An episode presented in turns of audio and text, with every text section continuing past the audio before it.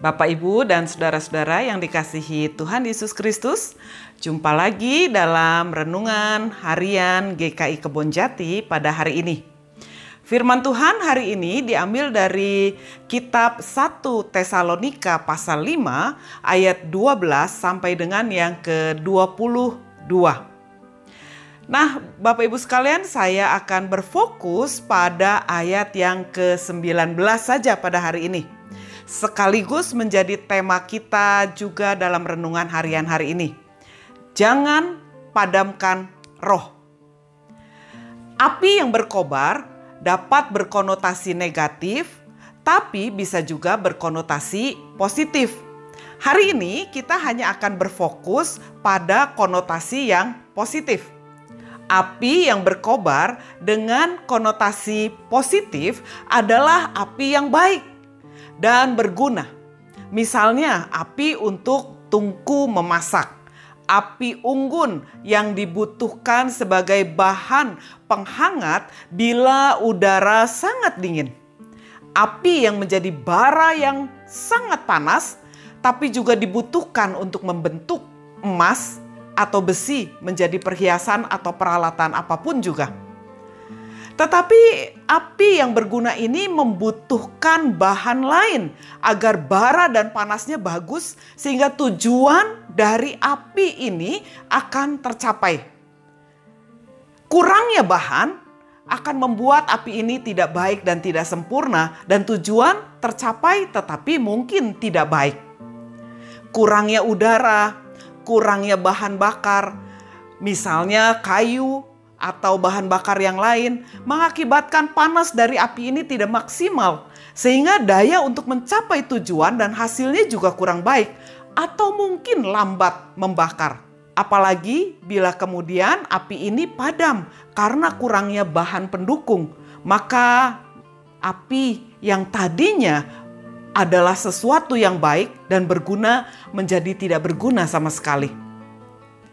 Bapak Ibu seperti itulah iman seseorang kepada Tuhan Yesus. Meskipun ada kata roh tetapi disambung dengan kata yang lain dari kata roh yaitu jangan padamkan api. Yang kemudian kalimat ini atau kata ini kerap kali dihubungkan dengan istilah api roh kudus yang layaknya lidah api yang turun pada hari Pentakosta yang membakar roh, yang membakar hati, yang membakar semangat orang percaya pada waktu itu untuk bersaksi memberitakan tentang Yesus Kristus.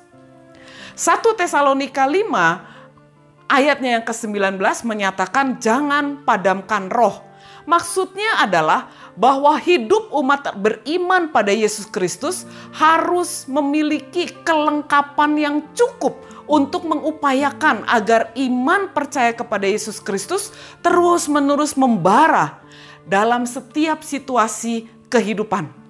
Kelengkapan untuk iman yang terus membara itu dapat diupayakan dan dihadirkan dengan banyak cara. Paulus menyebutnya dari antara ayat yang ke-12 dalam pasal 5 tadi sampai dengan ayat yang ke-22. Paulus menyebutnya bahwa kelengkapan untuk seseorang mampu membakar, mampu membuat roh yang ada di dalam hidupnya menjadi tidak padam dapat datang dari banyak hal dapat datang dari orang-orang yang menyatakan kebenaran firman Tuhan. Entah firman Tuhan yang enak didengar dan nyaman didengar, maupun firman Tuhan yang menegur, yang mungkin tidak nyaman di telinga dan bahkan tidak nyaman di hati. Kelengkapan dari supaya roh di dalam kehidupan seseorang tidak padam adalah kesabaran, ketertiban di dalam memahami, membaca firman Tuhan ketertiban dalam sikap hidup yang benar sesuai dengan kehendak Tuhan, kemurah hatian, pengampunan, kasih terhadap sesama, kepekaan, dan tangan yang terulur pada kebutuhan sesama. Tetapi juga sekaligus keberanian untuk menyatakan hal yang benar dan hal yang dikehendaki Tuhan, sekalipun beresiko. Peka dan kritis terhadap mana yang sesuai dengan kehendak Tuhan dan mana yang hanya mengedepankan kepentingan pribadi. Inilah kelengkapan-kelengkapan yang dibutuhkan agar api agar roh di dalam kehidupan kita tidak padam. Hari ini Bapak Ibu sekalian, bagaimana kita akan melakukan ziarah iman kita? Mari teruslah menjadi terang bagi sesama supaya mereka melihat Kristus hidup di dalam diri kita. Jangan padamkan roh. Tuhan Yesus memberkati.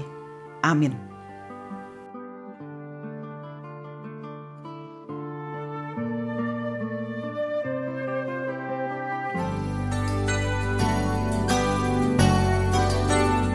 Sobat Maestro, baru saja Anda mendengarkan renungan harian bersama GKI Kebon Jati Bandung. Tuhan Yesus memberkati.